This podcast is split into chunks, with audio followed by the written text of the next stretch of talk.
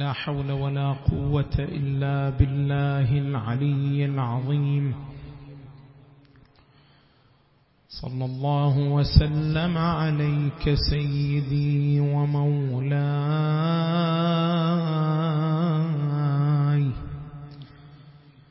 يا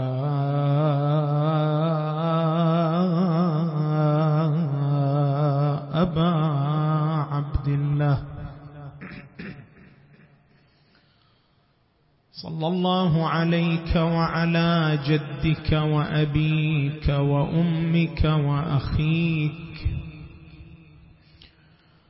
والتسعة المعصومين بنيك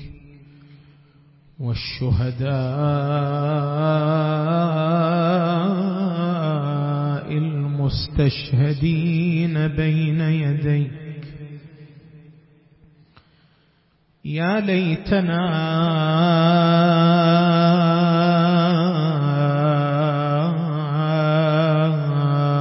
كنا معكم. فنفوز والله فوزا عظيما.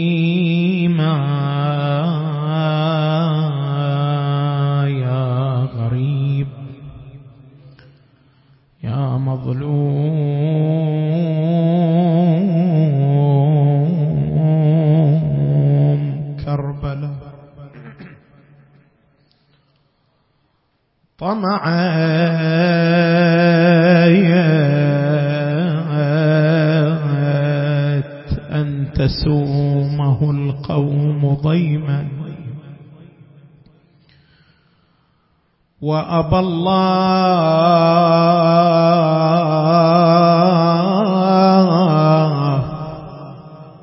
والحسام الصنيع.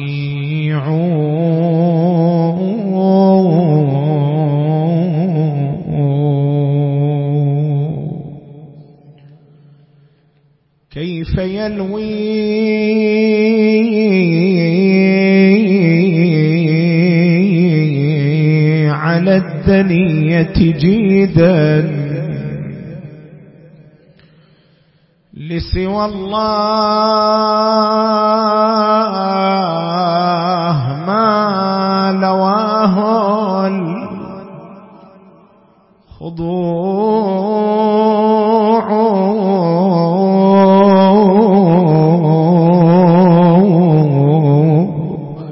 وتلقى الجموع.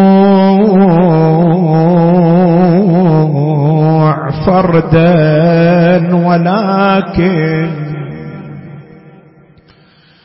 وتلقى الجموع فردا ولكن كل عضو في الروع منه جموع.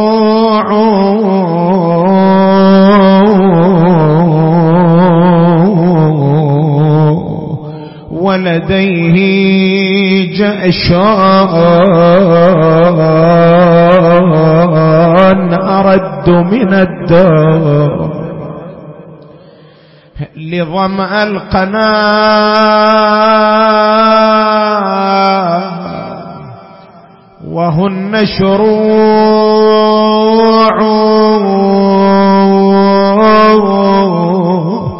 قطعوا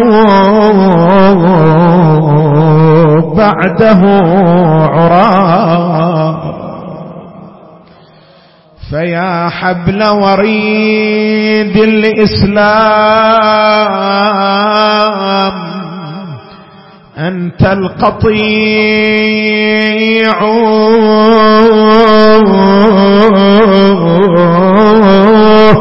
قوضي. يا خيار عليا نزارين فلقد قوض العماد الرفيع وسرى في كرائم الوحي أسرى وسرى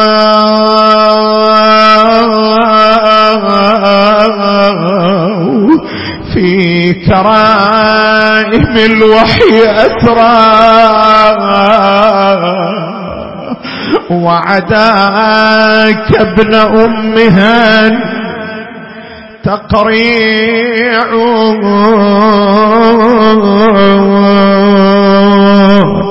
ومحمل اسكان لا تزلزل من يجيله ولا طاح من عدنا طفل. الياه ليشي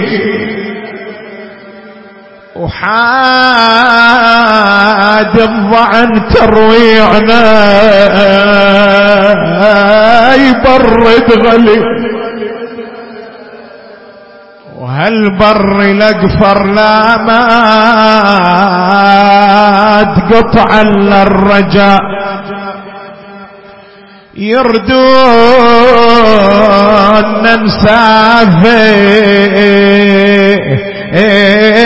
يا بعد أهلي ونخلي. يا ليت من قبل السفر نقعد نوا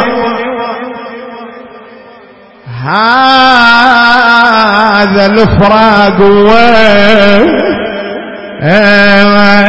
يا ابن أمي؟ خل اسمع صوتك. هذا الفراق وين يا ابن أمي؟ لا تقول خلتني العزيزة بغير تغسيل لا تقول عني سافرا وما ودعوا خل اسمع صوتك لا تقول عني سافرا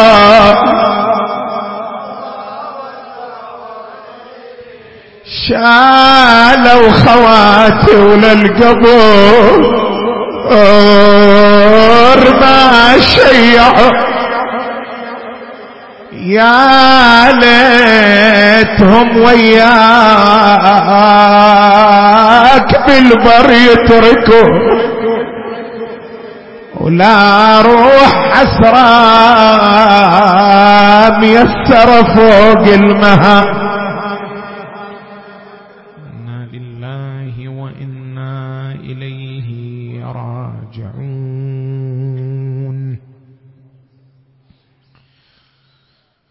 وسيعلم الذين ظلموا آل بيت محمد حقهم. أي منقلب ينقلبون والعاقبة للمتقين.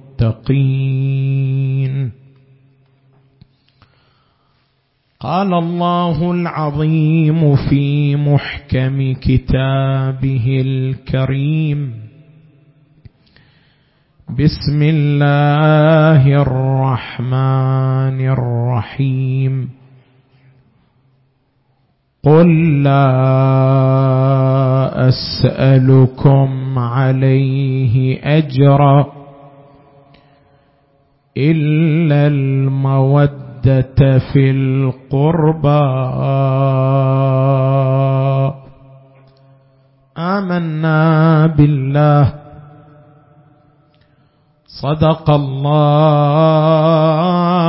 العلي العظيم.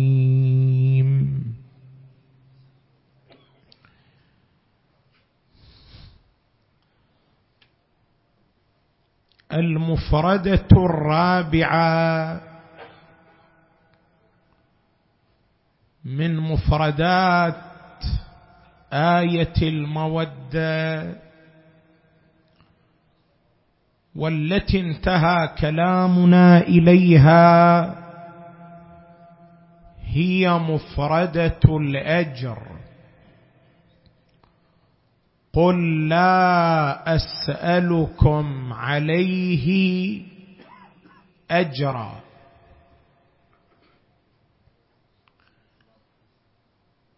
وهذه المفردة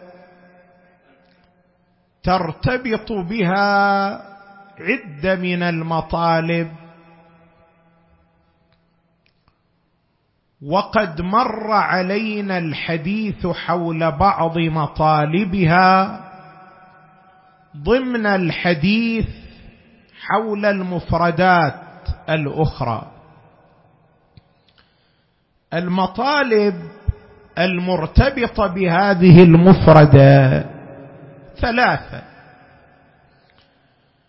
المطلب الأول هو أن الأجر أجران. أجر يعود للنبي صلى الله عليه وآله. وأجر يعود لأمة النبي صلى الله عليه وآله. قل ما سألتكم من أجر فهو لكم. إن أجري إلا على الله. هناك أجر يعود على أمة النبي صلى الله عليه وآله وهو ما سأله النبي صلى الله عليه وآله. وهناك يعود أجر وهناك أجر. يعود على ذاته المباركة وهو ما لم يسأله وإنما قال إن أجري إلا على الله. وهذا تحدثنا عنه وبيناه وقلنا بأن آية المودة عندما يقول فيها النبي قل لا أسألكم عليه أجرا إلا المودة في القربى. هذا الأجر الذي يسأله النبي هو من الأجر الذي يعود لمن؟ يعود لأمة النبي صلى الله عليه وآله وليس من الأجر الذي يعود إليه صلى الله عليه وآله. وهذا مضى الحديث عنه. المطلب الثاني المرتبط بمفردة الأجر هو أن مودة أهل البيت صلوات الله وسلامه عليهم لماذا عبر عنها القرآن بعنوان الأجر؟ ليش سماها أجر؟ قل لا أسألكم عليه أجرا إلا المودة في القربى. فعبر عن المودة بأنها أجر. ليش؟ قلنا هذا لو من باب المشاكلة لو من باب المشابهة وأوضحنا أنه من باب المشابهة وبينا الهدف من هذا التشبيه. ليش الله شبه مودة أهل البيت بالأجر لعلة وهدف وغاية سامية؟ تبين مكانة أهل البيت وتبين مكانة مودتهم. وقد شرحناه مفصلا. نجي الآن إلى المطلب الثالث. وهذا ما لم نعرض له سابقا. المطلب الثالث لماذا عدل القرآن عن قوله من أجر إلى قوله أجرا؟ وهذا أمر يستحق الالتفات. شلون؟ يعني أنت من ترجع إلى آيات القرآن التي تتحدث عن طلب الأجر من قبل الأنبياء وأنهم لا يطلبون من أممهم اجرا وإنما يطلبون الأجر من الله سبحانه وتعالى. تعال شوف الآيات القرآنية كلها تقريبا ما سوى آية واحدة وردت بهذا اللسان. وما أسألكم عليه من أجر. إن أجري إلا على رب العالمين. نوح هود صالح شعيب لوط كلهم كرروا هذه الآية كرروا هذه المقالة بهذا اللسان. وما أسألكم عليه من أجر. ما قايل الآية وما أسألكم عليه أجرا. وما أسألكم عليه من أجر. لكن من تجي إلى آية المودة تشوف الصياغة مختلفة. قل لا أسألكم عليه أجرا. طب كان بإمكان القرآن أيضا بآية المودة يقول قل لا أسألكم عليه من أجر إلا المودة في القربى. لكن هنا غير اللسان. قال قل لا أسألكم عليه أجرا. ليش؟ ليش القرآن عدل ها هنا في آية المودة؟ حتى يتضح الجواب عن هذا المطلب. فهنا عندنا جهات ثلاث نقف عندها.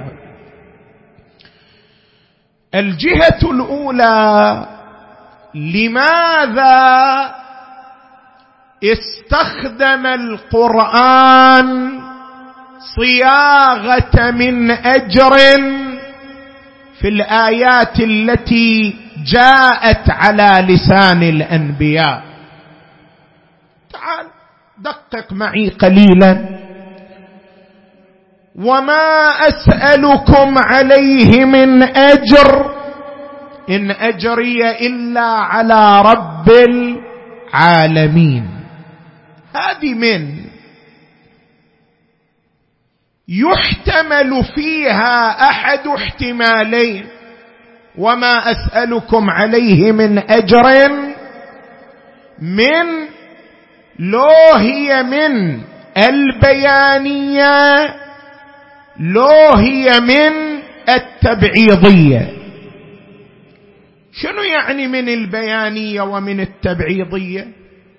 أنت من تقرأ آيات القرآن تقرأ هذه كلمة من في القرآن في آيات كثيرة لكن هي بمعاني متعددة. لما انت تقرأ الآية القرآنية فاجتنبوا الرجس من الأوثان. شنو يعني هذه من؟ قولوا هذه من بيانية. شنو يعني بيانية؟ مو الله يقول لك فاجتنبوا الرجس. انت كأن تسأل الله يا رب العالمين بين لنا ما هو الرجس الذي نجتنبه؟ قال من الأوثان. هذا بيان للرجس من هذه يعبر عنها من البيانية.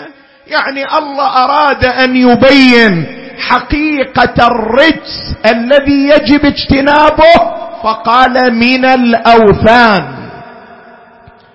لكن مرات من في القرآن ما تكون بيانية.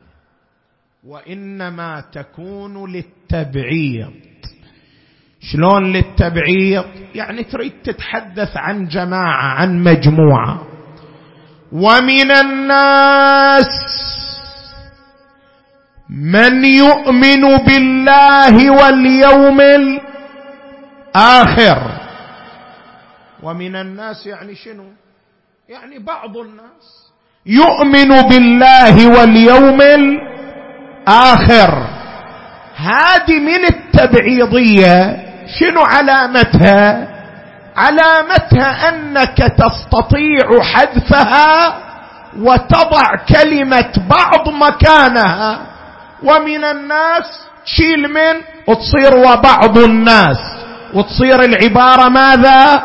صحيحة مستقيمة. اذا هذه من في القرآن لو هي للبيان. لو هي للتبعيض. زين نجي إلى الآية القرآنية. وما اسالكم عليه من اجر. هذه لو هي من البيانية لو هي من التبعيضية. من البيانية وما اسالكم عليه. شنو اللي ما تسألنا عليه؟ ما تسالنا مال لو ما تسالنا جواهر لو ما تسالنا ماذا ما الذي تسأل ما لا تسألنا إياه. يجي القرآن يبين وما أسألكم عليه ماذا؟ من أجر. فتكون من بيانية. هذا احتمال. لكن الاحتمال لعله الأظهر. هو أن من تبعيضية. لأن أنت تقدر تشيلها هنا تحذفها وتخلي كلمة ماذا؟ بعض مكانها. وما أسألكم عليه من أجر. يعني وما أسألكم بعض أجر. إن أجري إلا على رب العالمين. هنا احتمال أن من من التبعيضية. زين ليش الله استخدم هاي المفردة هنا؟ ليش بعض؟ ليش قال على لسان الأنبياء وما أسألكم عليه من أجر؟ ليش جابها؟ ليش جرها؟ ليش ما قال وما أسألكم عليه أجرا؟ ليش من أجر؟ هنا لأجل المبالغة. النكتة للإتيان بكلمة من؟ إما المبالغة في التنزيه وإما المبالغة في التعجيز. شلون يعني إما المبالغة في التنزيه لو إما المبالغة في التعجيز؟ المبالغة في التنزيه يعني الأنبياء ينزهون أنفسهم عن طلب الأجر. يقولوا إحنا مو ما نطلب الأجر ما نطلب حتى ماذا؟ حتى بعض الأجر. ولو قليلا من الأجر لا نطلبه على عملنا التبليغي. فضلا عن الأجر الكامل. مبالغة في التنزيه. وقد تكون مبالغة في التعجيز. شلون مبالغة في التعجيز؟ مبالغة في التعجيز لأن الأنبياء عندما يبلغون الرسالات فأجرهم الذي يمكن أن يوفون به. من الذي يستطيع أن يقدمه لهم؟ هو الله سبحانه وتعالى. غير الله. يقدر يقدم أجرا للأنبياء ازاء ما جاءوا به من دين من شرائع من كتب سماوية. كلا. الأنبياء جايين يقولوا للناس وما أسألكم عليه من أجر. يعني أنا حتى بعض الأجر لا أطلبه منكم. لماذا؟ لأنكم عاجزون عنه إن أجري إلا على رب العالمين. أجر الأنبياء بيد الله. فهنا جيء بكلمة من لأجل المبالغة إما المبالغة في التنزيه وإما المبالغة في التعجيز وإما هما معا. إنزين هذه جهة. انجي الآن للجهة الثانية. لماذا هنا في آية المودة القرآن ما استخدم نفس الأسلوب؟ ليش قال قل لا أسألكم عليه أجرا؟ ليش هنا القرآن لم يستخدم نفس الأسلوب؟ خلي ببالك وياي شوية. لأن في تلك الآيات آيات الأنبياء القرآن يتحدث عن الأجر المنفي يعني الأجر الذي يعود للأنبياء. هناك قال أنا ما أسألكم عليه من أجر. حتى القليل من الأجر لا أسألكم إياه. لكن بآية الموده مو يتحدث عن الأجر المنفي يتحدث عن الأجر ماذا؟ المثبت. يعني هو جاي يريد أن يثبت اجرا. لكن هذا الأجر الذي يثبته أجر يعود على على الأنبياء أنفسهم لو على الأمة. قلنا بأنه أجر يعود على الأمة. اذا هنا أجر مثبت. هناك أجر ماذا؟ منفي. زين ليش هنا لما صار الأجر مثبت من لم يأتي بها؟ هنا نكتة لطيفة شريفة. في القرآن الكريم. بس تحتاج إلى شيء من التوجه. لأنه أراد بيان المكافأة والتكافؤ والتساوي بين الرسالة وبين ماذا؟ وبين المودة. بين الدين وبين المودة. بين الإسلام وبين المودة. شلون؟ خلي ببالك وياه.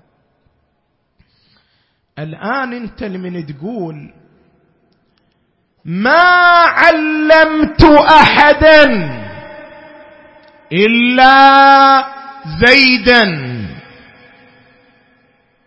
عندك هنا جملة فيها استثناء استثنائية. ما علمت أحدا إلا زيدا. يعني زيد شنو؟ علمت لو ما علمت؟ علمت. لما تصير عندنا جملة استثنائية. مصب السلب هو نفسه مصب الإيجاب. مصب النفي هو نفسه مصب الإثبات. شلون؟ انت الآن من تقول ما علمت أحدا؟ نفيت شيء لو ما نفيت؟ نفيت التعليم. إلا زيدا أثبتت شيء. شنو اللي أثبتت؟ نفس اللي نفيته لو غيره. ماذا؟ نفسه. الذي نفيته عن غير زيد اثبته لمن؟ لزيد. مصب النفي هو نفسه مصب الإثبات. مصب السلب هو نفسه مصب الإيجاب. نجي إلى الآية. وما قل لا أسألكم عليه أجرا. نفى أن يكون هنالك أجر على ماذا؟ على الدين على الرسالة. صحيح لولا ثم أثبته. إلا المودة في القربى فهي ماذا؟ أجر للرسالة. اذا المودة في القربى صارت اجرا للرسالة لأن ما نفاه أثبته. فالمودة في القربى صارت اجرا للرسالة.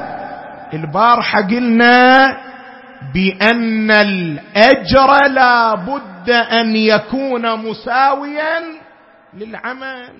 العوض لا بد أن يكون مساويا للمعوض. فلما أثبت ما نفاه هناك يعني أثبت أن المودة هي أجر الرسالة. صار تساوي بين الرسالة وبين ماذا؟ وبين الأجر. لكن لو قال من اجر اخترب هذا كله. لو قال شوف حط بالك وياي لو قال قل لا أسألكم عليه من اجر إلا المودة. يعني ما أسألكم بعض أجرين إلا المودة في القربة. تصير المودة هي الأجر لو بعض الأجر. بعض الأجر. ساوى العوض والمعوض لو ما تساوى ما تساوى. والحال أن العوض لا بد أن يكون مساويا للمعوض. لذلك لم يأت بمنها هنا بل قال قل لا أسألكم عليه أجرا. إلا المودة في القربى فهي أجر الرسالة. اذا هي ماذا؟ مساوية لها وفي صفها وفي ذلك دلالة على أن المودة من الأصول وليست من الفروع كما بينا ليلة البارحة. هذا الجهة الثانية. انجل الجهة الثالثة وهي مهمة. وهي الثمره المترتبه على ذلك. شوف هنا أكو ثمره إخواني جدا هذه ثمره مهمة. وهي حل لغز روايات الأعمال. شلون حل لغز روايات الأعمال؟ الآن أنت شنو العمل اللي ينتظرك خلال الأيام المقبلة؟ زيارة سيد الشهداء الحسين. زين تعال اقرأ روايات زيارة الحسين. شو تقول؟ يقول الصادق عليه السلام من زار الحسين من زار قبر الحسين كتب الله له ثواب مئة حجة مقبولة. عفوا كتب الله له ثواب ألف حجة مقبولة. رواية أخرى عن الصادق عليه السلام. يقول فيها من أتى قبر الحسين بن علي. كان كمن حج مئة حجة مع رسول الله صلى الله عليه وآله. رواية تقول عشر حجات رواية مئة رواية ألف رواية أكثر من ذلك. ألف حجة ألف عمرة ألف غزوة بين يدي رسول الله. كل هذا ثواب زيارة الحسين. يجي واحد يسأل هذا السؤال. يقول شلون زيارة الحسين تعدل كل هذا الثواب؟ شلون تعدل مئة حجة مع رسول الله؟ شلون تعدل ثواب ألف حجة مقبولة متقبلة؟ شلون؟ حط بالك وياي الجواب واضح.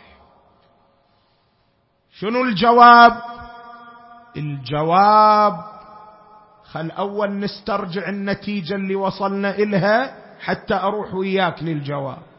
النتيجة التي وصلنا إليها أن المودة تكافئ ماذا؟ تكافئ الرسالة تكافئ الدين تكافئ الإسلام.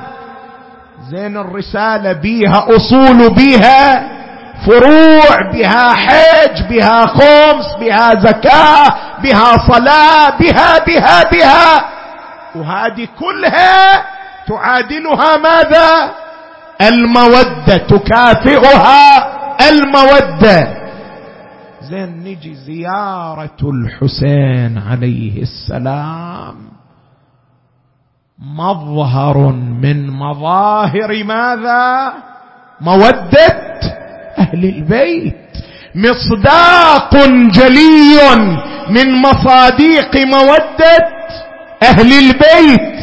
فإذا كانت مصداق للمودة والمودة تعدل الرسالة بأصولها وفروعها إذا هناك عجب لو كانت زيارة الحسين تعدل ألف حجة لو مئة ألف حجة. شوف من نرجع العمل إلى أصله إلى عنوانه. زيارة الحسين مودة ومودة أهل البيت. تعدل ماذا؟ تعدل الرسالة. إذا لا عجب أن تكون زيارة الحسين تعدل. ألف حجة ألف عمرة ألف غزوة ألف ألف ألف لأن زيارة الحسين مودة للمعصومين عليهم السلام. ومن هنا تنحل إشكالية كثير من الروايات. من بكى على الحسين له كذا. من زار الإمام الرضا له كذا. من فعلت من صلى على محمد وآل محمد له كذا. واحد يقول شلون هالعمل البسيط يكافئ كل ذلك؟ سره هو هذا. هو أن هذه الأعمال تعبر عن ماذا؟ عن مودة أهل البيت.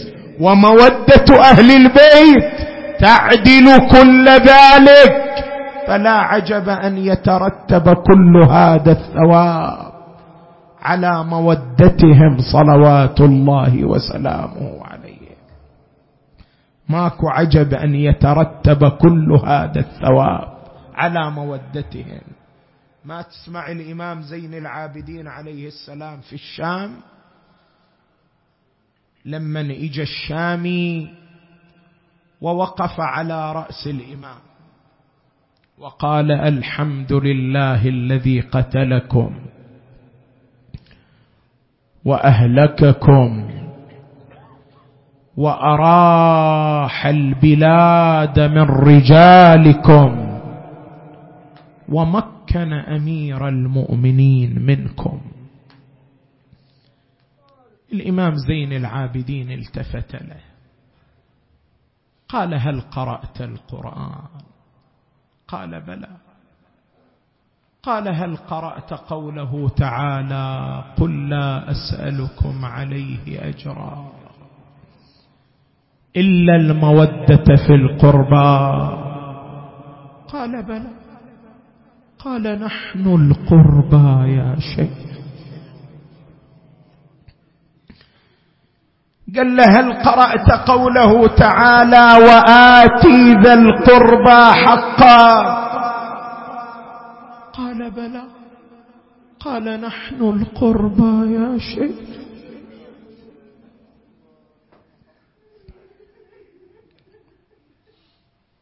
قال هل قرأت قوله تعالى ما غنمتم من شيء فأن لله خمسه؟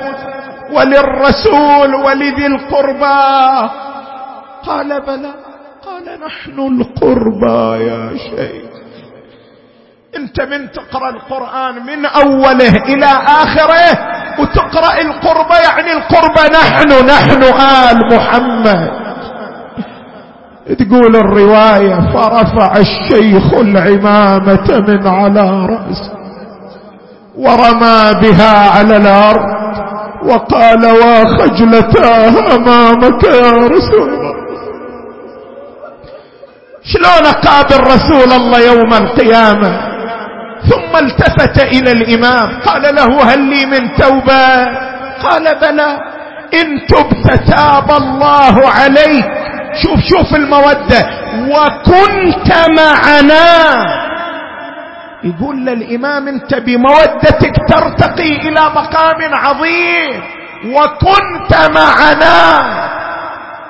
وفعلا صار معهم ركب سفينته هذا تعامل مع مودة أهل البيت بهذا النحو. وغير شلون تعامل وياهم أجلسهم في خربة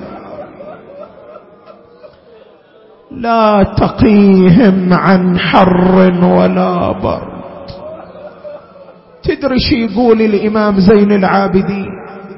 إمام زين العابدين يقول في رواية مفجعة مؤلمة للقلوب. يقول أنزلونا بخربة لا تقينا عن حر ولا برد. يعذروني عاد السادة لو أقول هالكلمة.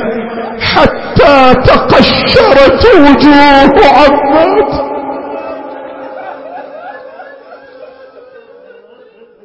تقشر وجه زينب وجه سكينة وجه رقية حتى تقشرت وجوه عماتي. وبعد هو شلون حاله؟ هذا حالة عاد لا تسألني عنه. اسأل اسأل المنهال. المنهال يقول لك إيش حاله؟ المنهال يقول مررت على الخربة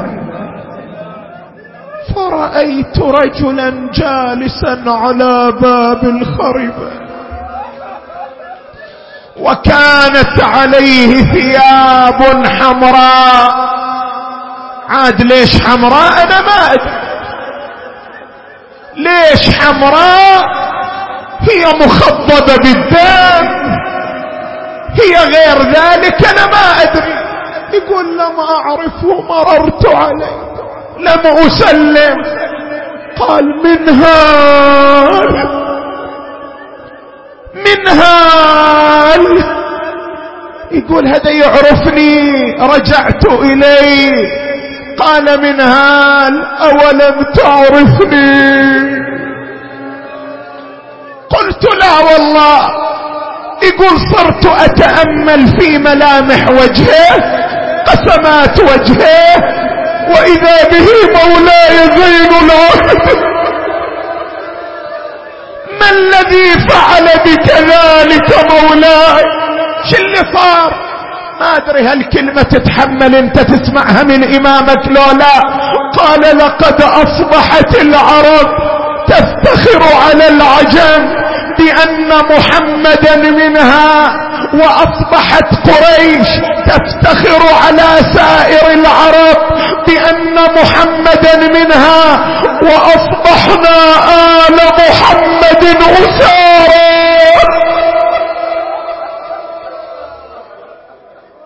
أسارة أسارة يقول قلت له مولاي أتأمرني بشيء؟ تصور أنت شو الطلب اللي يقوله إمامك. والله ما أظن قلبك يتحمل.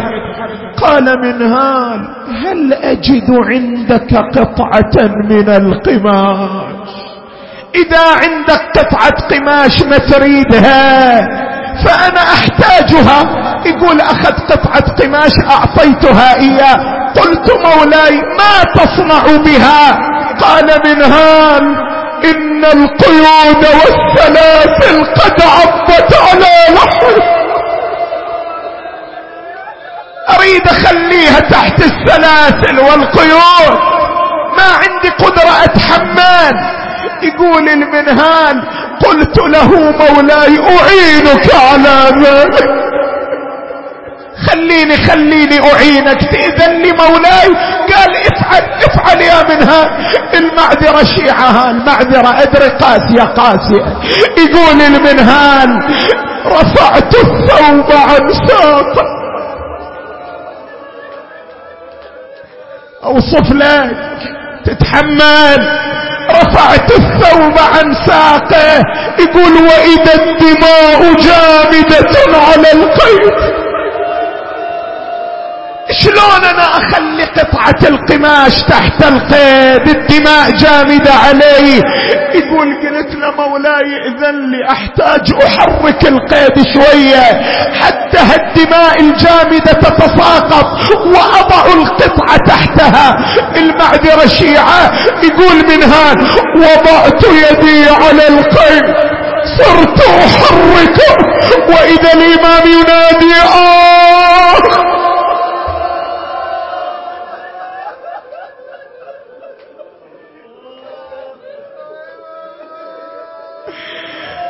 ذاب القلب يا منها. لا تسأل عن أحوال. يلا يلا خل نقرا وياه ذاب القلب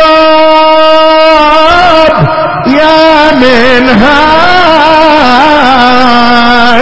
لا تسأل رماني الدهار بين الناس. أمشي واسحب اغلى أنا بالأميس كل الناس تعرف سابق جدودي أنا بالأميس يا منها. أنا بالأميس كل الناس تعرف سؤددي وجودي. خل اسمع صوتك وياي. أنا بالأميس كل الناس تعرف بدي وجود وكل الخلاق يا منها تعرف سابق جدودي. يلا قولها وياي رماني الدهر بين الناس أمشي حبيبي وعندي حريم يا منهال. حسرة ما الهوى واللي هيج احزاني وشجاني حالة الأطفال. يوم الجابة والنسوان بارض الشام يا منها.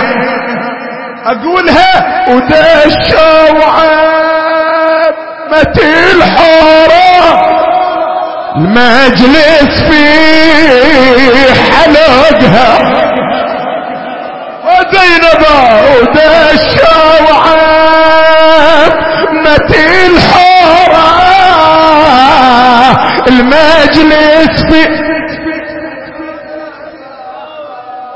ليتك تشوف يا منهال وتنظر حالها وحال. تقل تقل بس هاي بس هاي ما كانت على الباب على البال على البال. أطب المجلس وبحلقي أحبال. إحبال إحبال. وراسك مطشت وتشوف العيال. وبيد العود ويوسم المرسال أعظم ما يشجي الغيور. دخولها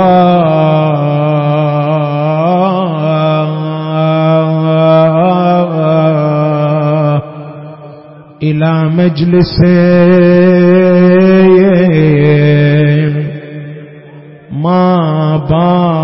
اللهو والخمر يقارعها فيه يزيد مسبة ويصرف عنها